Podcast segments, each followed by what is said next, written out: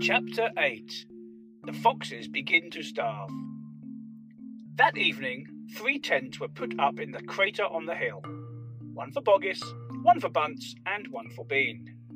The tents surrounded Mr. Fox's hole, and the three farmers sat outside their tents eating their supper. Boggis had three boiled chickens smothered in dumplings. Bunce had six doughnuts filled with disgusting goose liver paste. And Bean had two gallons of cider. All three of them kept their guns beside them. Boggis picked up a steaming chicken and held it close to the fox's hole. Can you smell this, Mr. Fox? he shouted. Lovely, tender chicken. Why don't you come up and get it?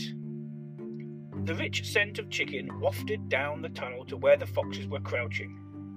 Oh, Dad, said one of the small foxes, couldn't we just sneak up there and snatch it out of his hand? Don't you dare, said Mrs. Fox. That's just what they want you to do. But we're so hungry, they cried. How long will it be till we get something to eat?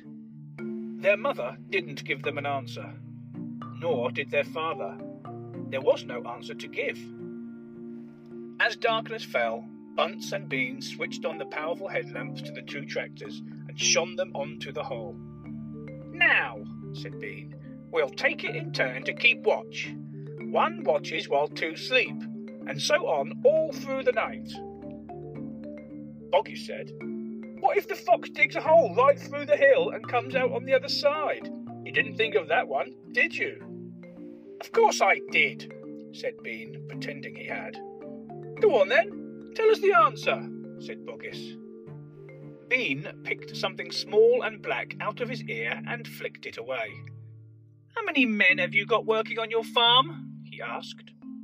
Thirty-five, Boggis said. I've got thirty-six, Bunce said.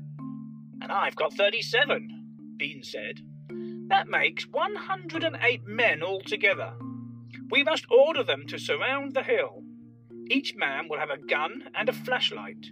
There will be no escape then for Mr. Fox. So the order went down to the farms, and that night 108 men formed a tight ring around the bottom of the hill. They were armed with sticks and guns and hatchets and pistols and all sorts of other horrible weapons. This made it quite impossible for a fox, or indeed for any other animal, to escape from the hill. The next day, the watching and waiting went on. Boggis, Bunce, and Bean sat upon small stools, staring at the fox's hole. They didn't talk much. They just sat there with their guns on their laps. Every so often, Mr. Fox would creep a little closer towards the mouth of the tunnel and take a sniff. Then he would creep back again and say, They're still there. Are you quite sure? Mrs. Fox would ask. Positive, said Mr. Fox. I can smell that man Bean a mile away. He stinks.